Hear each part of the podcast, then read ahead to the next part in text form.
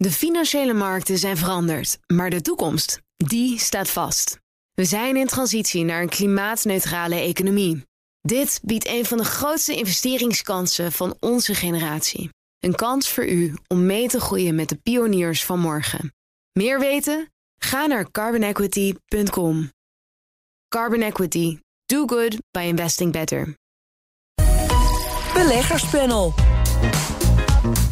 Coinbase kent een succesvolle beursgang. Ligt er een crypto-bubbel op de loer. En de eerste cijfers van het cijferseizoen zijn al bekend. Er volgt nog heel veel meer. En er volgt heel veel meer. Ook in dit beleggerspanel met Mary Pietersbloem... lid van het ABN AMRO Beleggingscomité... bijzonder hoogleraar Financiële Markten... aan de Erasmus School of Economics. En Koen Bender van Mercurius Vermogensbeheer. Fijn dat jullie er zijn. Mary, ook fijn om jou te zien. Lang geleden, volgens mij.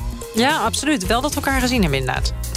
Dus, omdat ik uh, mijn blijdschap toch ook wil tonen aan jou als eerste het woord voor jouw laatste transactie. Ja, dat is goed. Uh, nou, in maart hebben wij onze positionering op Europese aandelen opgehoogd... en wat winst genomen op uh, uh, aandelen in opkomende landen. Dat was eigenlijk vanwege de rentestijging waar we toen middenin zaten. Die is op het ogenblik weer wat gekalmeerd. En de stijging van de dollar. En tegelijkertijd waren we wat optimistischer over Europa. omdat ja, ook die beurs wat cyclischer van aard is. Als je, als je nagaat dat bijvoorbeeld financiële instellingen... industrie, luxe goederen en basismaterialen sectoren... iets van 50 van die index uitmaken. Uh, en en de IT-sector, um, die we toch wat minder, minder stijging in voorzagen, slechts 8% in tegenstelling tot de VS, waar dat uh, toch wel meer dan 30% van de index uitmaakt. Dus die techbedrijven die blijven in Europa een beetje achter? Ja, of je, je hebt gewoon een. Nou, dat niet zozeer, denk ik, maar wel dat uh, het gewoon een minder groot onderdeel uitmaakt van onze index hier. Dus je kijkt naar de AEX, dan wordt daarvan gezegd dat is een, wel een veredelde tech-index geworden. Ja, maar daar is dan de AEX dan misschien wel weer een uitzondering in. Koen, wat is jouw laatste transactie? Ja, dat is, uh, dat is alweer even geleden. Uh, dus we hebben eigenlijk maandelijks bij ons label uh, junior beleggen... dat we gebruiken voor vermogensopbouw uh, een, een herbalancering. Dus dat betekent dat je datgene wat hard opgelopen is, dat room je wat af. En datgene wat achtergebleven is, dat koop je wat bij. Dus ja, dat zijn heel veel transacties. Maar dat is de, de, de laatste... ja, uh, transactie die we, die we gedaan hebben. En uh, die doen we daar maandelijks en bij Mercurius vier keer per jaar. In het kader van de discipline. Dan naar uh, is het. het cijferseizoen.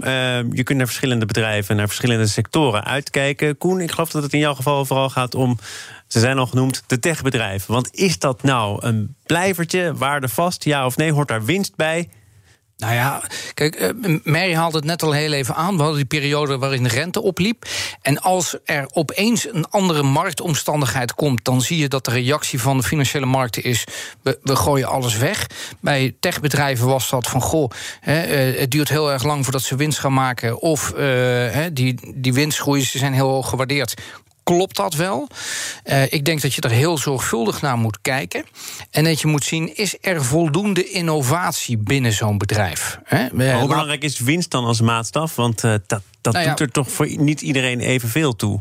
Kijk, uiteindelijk, een bedrijf moet geen verlies maken. Want als je dat verlies moet financieren door geld te lenen, de hele tijd opnieuw, dan ben je super kwetsbaar voor oplopende rentes. Dat kan je je kop kosten.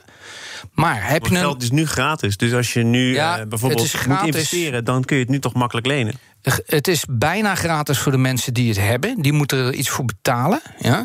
En het is niet gratis voor de mensen die het nodig hebben. Als je moet lenen, dan betaal je een behoorlijke rente. Vraag maar aan Pieter Elbers van, uh, van KLM of van ben, aan Ben Smith. Die moeten behoorlijk betalen voor uh, het financieren van de schulden die ze hebben. Dus dat geld gratis dat komt misschien is. ook door het bedrijf waarvan zij uh, de leiding uitmaken, toch? Uh, ja, maar dat is, een, dat is een bedrijf dat in moeilijke omstandigheden zit. En dat uh, uh, te weinig innovatie heeft om dat op eigen kracht eruit te kunnen halen. We hadden het net heel even over CM. Die zitten ook in die ontzettend moeilijke omstandigheden. Dat massabijeenkomsten, wat in principe hun core business was, niet meer kan. En die hebben zich daaruit geïnnoveerd.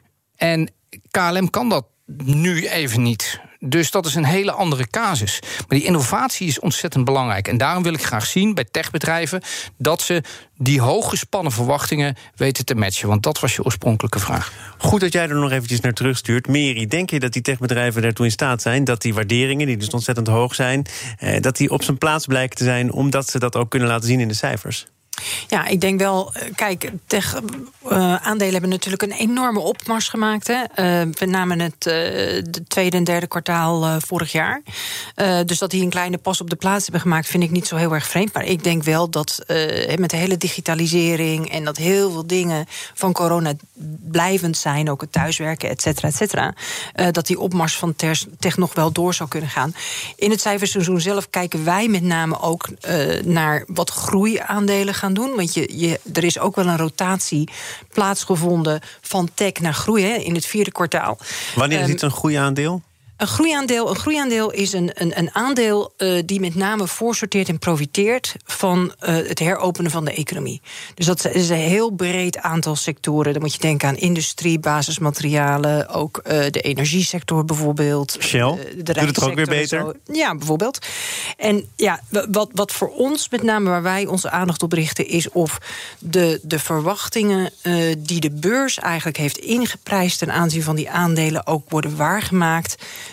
eh, in niet zozeer in de resultaten van het afgelopen kwartaal, want er zit een heel gek basiseffect in, namelijk dat de eerste twee kwartalen van vorig jaar waren volstrekt nou ja, nog normaal. Terwijl we nu in een lockdown zitten. Dus dat, dat is heel moeilijk om je daaraan te meten. Maar vooral in het vooruitzicht wat deze bedrijven gaan stellen. Ja, want denk je dat ze daartoe eh, bereid zijn? Dat er iets zinnigs te zeggen valt over vooruitzichten? Want je zag natuurlijk de afgelopen eh, presentaties van cijfers... of nou jaarcijfers waren, kwartaalcijfers... dat veel eh, topbestuurders het toch lastig vonden om iets te zeggen... over hoe de toekomst eruit zag. Ja, dat klopt. Maar ik denk steeds meer wel dan niet. Ehm, en ik denk dat die, eh, die vooruitzichten heel erg gemeten gaan worden aan wat er al is ingeprijsd. Want de waarderingen staan natuurlijk inmiddels toch ook al wel heel erg hoog eh, van die aandelen. Ja, wat denk jij? Wordt er iets gezegd over de outlook? Eh, bijvoorbeeld met het oog op de vaccinatiestrategie... het weer opengaan van de economie? Nou ja, ik denk dat dat heel erg eh, afhankelijk is van eh, het bedrijf. Eh, maar over het algemeen zal een. ja, zodra een topman daar iets over kan zeggen, zullen ze hun plannen wel wereldkundig maken. Nee, maar Waarom er is natuurlijk de afgelopen periode wel gezegd... nou oké, we hebben er begrip voor dat er niet zo heel veel valt te zeggen... over de toekomst, want het zijn onzekere tijden. Dat argument, Ja, eh, dat vind ik- valt dat een beetje weg. Ja, maar dat vind ik ook wel nu wel een beetje flauw worden. Kijk, een jaar geleden ging je echt een donkere tunnel in. Had je geen idee. Het was de eerste keer dat we in een lockdown kwamen. Nu zie je dat we er eigenlijk allemaal prima mee weten te leven. We hebben nog steeds be- be- be- besmettingsgraden, gemeten besmettingsgraden, eh, besmettingsgraden, zijn hoger dan eh, de vorige keer dat ik Mary hier in de studio zat. Maar toch is ze er nu. En dat, eh, Ja, dat en dat, geeft en aan. dat alleen al is Ja, gewoon heel dat- goed dat geeft vreugde. Dat geeft Dat- waarschijnlijk ook dat- een impuls op de beurs. Ja, ze heeft, eh, eh, ze heeft weer gereisd en eh, misschien nog een broodje gekocht bij eh eh, eh, Verlaat de vorige keer dat ik Mary zag, kwam ze uit Milaan. Ja, maar in de tussentijd heeft ze, heeft ze waarschijnlijk alleen maar vanuit huis eh, eh, gewerkt. Dus ja, dat was februari vorig jaar, hè? dat weten we allemaal nog. ja, maar, maar nu, je ziet dat we er steeds beter mee om weten te gaan. En Ja. we're loosening up. Ja, we zitten nog wel in een lockdown, maar het is, deze lockdown is niet te vergelijken met de vorige. Voor, de, voor 80, 90 procent van de, van de Nederlanders. Wat er sinds die tijd wel veranderd is, dat is eh, een, een tekort. Een chipstekort, een materialentekort, schaarste die zich laat voelen. Eh, in hoeverre zal dat grote bedrijven, ook Nederlandse bedrijven, zoals ASML, eh parten gaan spelen? Ja, dus dat is het logistieke element. Hè? Eh, dus ik, ik denk zeker dat daar nog wel een stukje onzekerheid zit. Ehm, aan de andere kant natuurlijk ook in de stimuleringspakketten en wat daarvan werkelijk bij de bedrijven gaat landen. Dat is voor mij denk ik wel een punt van aandacht eh, voor de Amerikaanse economie. Want dat, dat gaat om, wat was het ook weer, bijna 2000 miljard Ja, dollar. dat zijn gigantische bedragen. En j- jij hebt nogal je twijfels over de effectiviteit daarvan. Nou ja, er moet gewoon nog in detail uitgewerkt gaan worden van eh, hoeveel laten we daarvan landen bij eh, zeg maar individuen, bij huishoudens, maar ook bij bedrijven. Op welke manier, op welke manier gaat dat gefinancierd Want worden? als je het bij huishoudens laat landen, dan is de bedoeling natuurlijk dat dat geld op een gegeven moment weer gaat rollen richting de bedrijven. Ja, maar we hebben, van, we hebben van eerdere stimuleringspakketten gezien in Amerika, maar ook elders, dat mensen dat eigenlijk aanwenden om hun schulden af te betalen. Dus dat, ja, ik denk, ik, ik kijk liever naar van wat gebeurt er uh, bij bedrijven en hoe gaan bedrijven dat uh, inzetten. Uh, en en wat, wat is daarvan dan de uitslag op, op sectorniveau? En, en waar resulteert dat in in sectorverschillen, maar ook voor de economie als geheel? Maar is dat niet zo? Ik vind dat eigenlijk niet zo gek, hè, wat jij zegt, dat ze eerst hun schulden aflossen. Ja. De laatste grote crash van een economie is uit Japan geweest.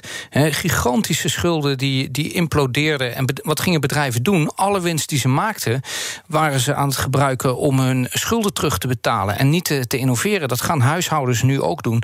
Tot het moment daar komt dat ze langzaam maar zeker uit die schulden zijn. En dan, dus er zit misschien wel een vertraagd effect in. Mhm. Maar het feit dat ze die schulden afbouwen, is natuurlijk in principe moet dat ook de bedoeling zijn van een, een samenleving waar veel te veel mensen in maar schuld dan, dan leven. komt het niet terecht in de, de reële economie. Dan heb je wat In- minder dat sneeuwbaleffect. In eerste instantie niet. En misschien dat het dan niet terechtkomt in de economie van de mensen die op korte termijn eh, kredietjes willen eh, verschaffen en dergelijke. Maar dat zou ik alleen maar goed vinden. Als je daarmee op lange termijn eh, op, op een punt komt dat je een, een, een alleenstaande moeder in de Verenigde Staten kinderbijslag gaat krijgen, waardoor ze normalere opvoeding aan haar kinderen kan gaan geven en misschien er ook scholing komt, dan zie je dat effect van deze stimulering niet op tien weken, niet op tien maanden, maar wel op tien jaar. En dat is een gigantische impact die je dan gaat zien. Dus als je de redenering van Koen volgt, dan is het eh, verklaarbaar en misschien ook wel te verkiezen dat mensen nu dat geld niet gaan uitgeven of op de beurs gaan spenderen, maar eh, stoppen in het aflossen van schulden.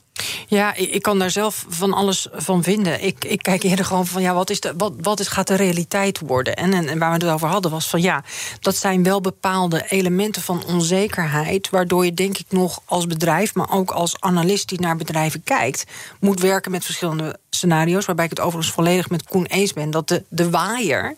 Het uitwaaieren van die verschillende scenario's tussen negatief en positief veel smaller is dan wat we vorig jaar hadden midden in de coronacrisis.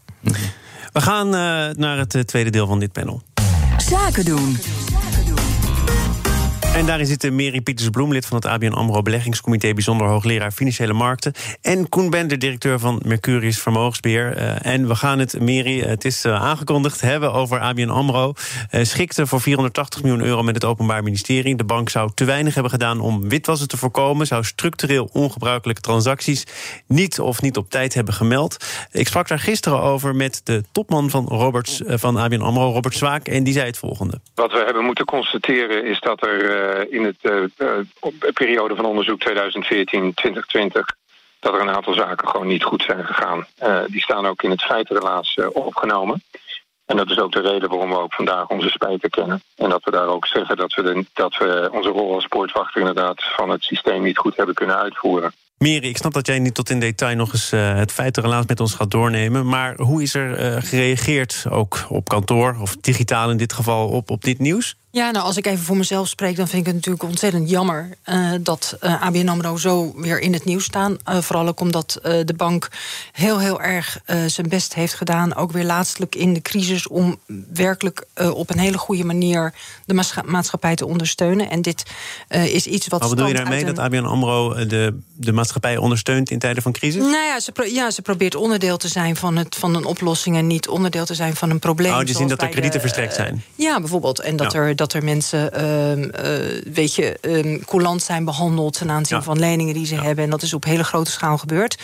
Um, en, uh, en anderzijds vind ik het ook heel, heel moedig. Um, en en, en daar, ja, daar, daar, daar steken wij zeg maar ook onszelf een hart mee om de riem. Dat, dat onze voorman zo'n oprechte spijt heeft betoond. Um, en dat er, ik weet ook van, intern dat er heel hard wordt gewerkt uh, om dat uh, witwas uh, problematiek ja, zeg maar te kunnen beheersen. Dit is het beleggerspanel. Als je kijkt naar hoe er op de beurs dan gereageerd is op deze schikking, die eraan zat te komen, dat is ook voor Robert Zwaak geen verrassing, voor de medewerkers van AMI AMRO geen verrassing, want er liep een onderzoek en er zou op een bepaald moment een uitkomst van zijn. Dan zie je dat ABN AMRO tot de stijgers worden, Koen. Ja, nou ja dat, is, dat is een opluchting in, uh, denk ik. Uh, het is altijd fijn als er licht aan het einde van een tunnel is. Maar ja, ik vind het toch een heel moeilijk dossier. En, en wat ik er vooral heel erg moeilijk aan vind, is dat het nog tot 2020 uh, de berisping is. Ehm, dat was de periode waarin ING al vol onder het vergrootglas lag. Uh, het al duidelijk was dat er bij allerlei verschillende banken uh, heel zorgvuldig naar uh, gekeken werd.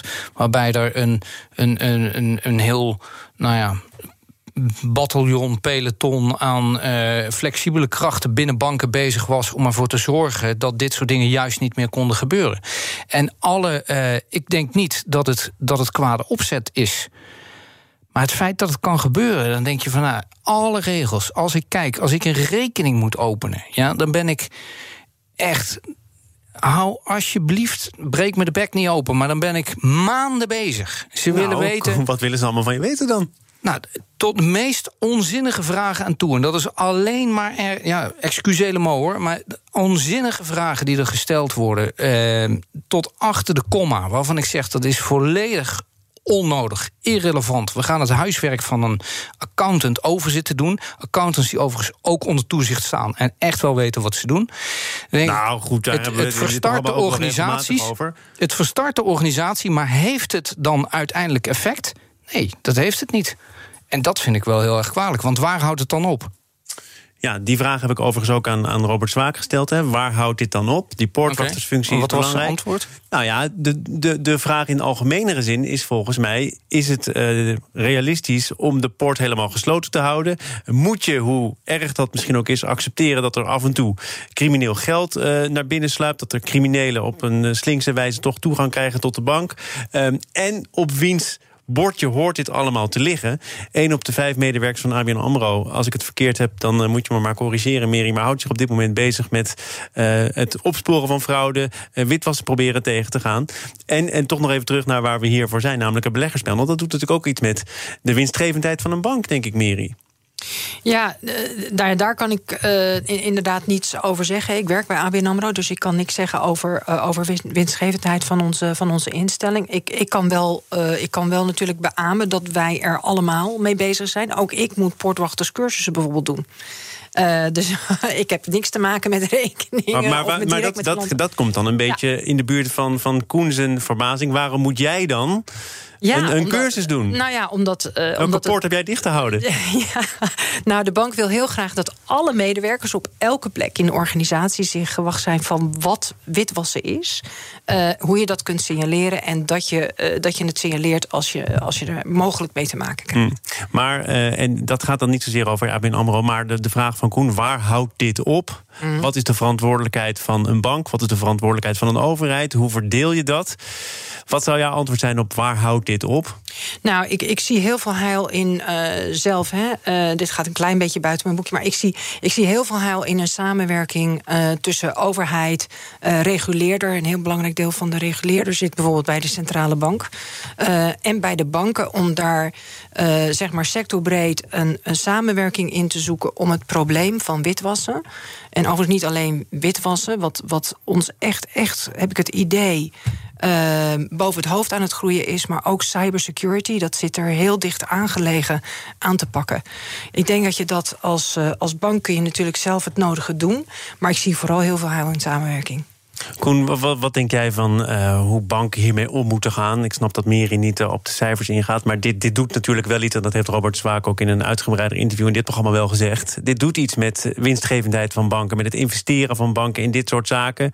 Uh, terwijl dat natuurlijk al onder druk staat vanwege rentes. Vanwege alle oorzaken die we wel kennen.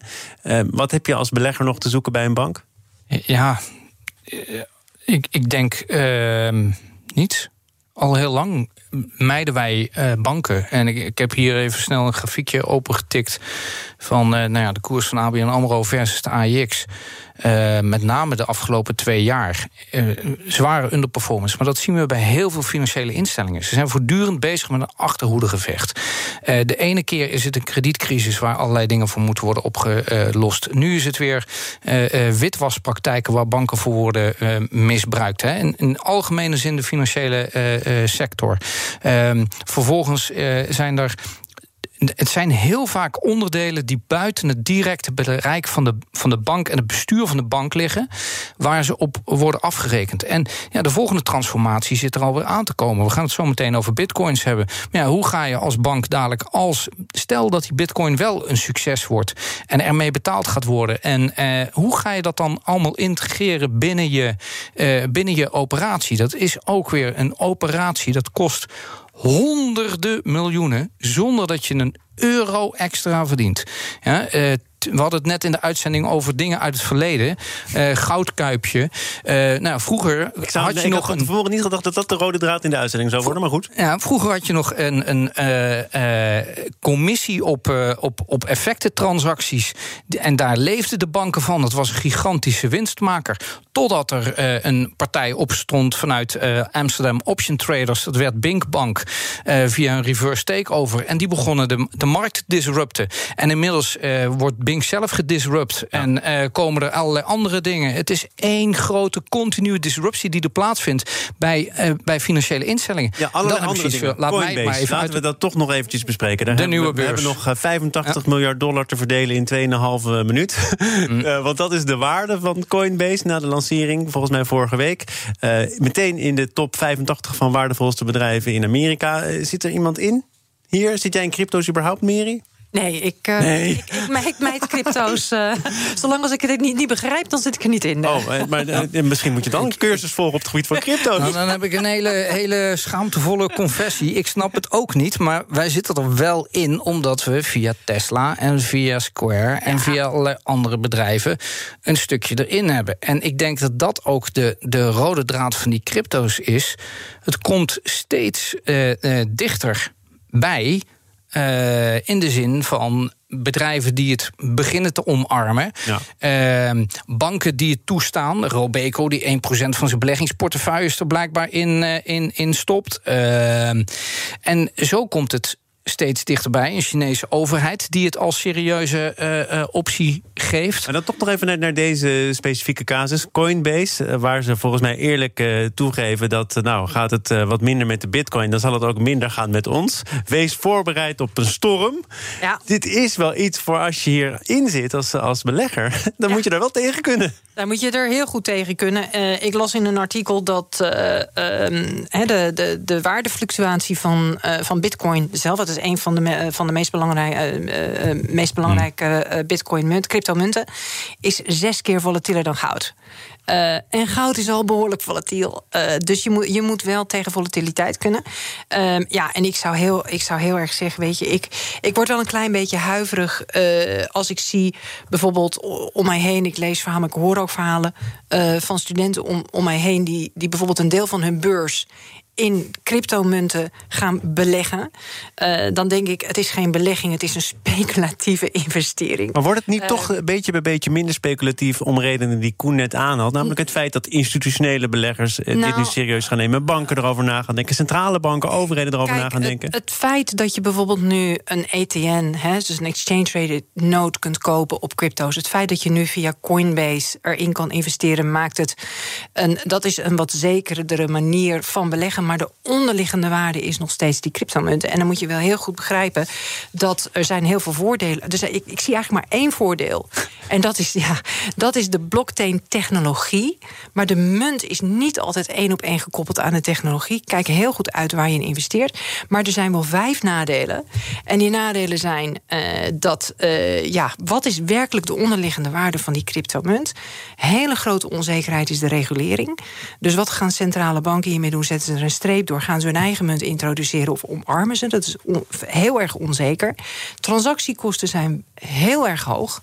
Uh, het is niet duurzaam. Als je bijvoorbeeld bedenkt dat. Het mijnen. Ja, ja, het, het, is, het, eet, het eet energie. Ja, en in China. En dan hebben we het over de hacks van ja, Huawei. De, de, nou. grote, de grote uh, mining fields zitten in, uh, in, in China inderdaad. Hè, in, die, uh, in die provincie Xinjiang, waar we ook problemen hebben met de Oeigoeren. Dus nou, uh, teluitje winst. Koen, dus je moet eruit. Je moet eruit nu, nu het nog kan.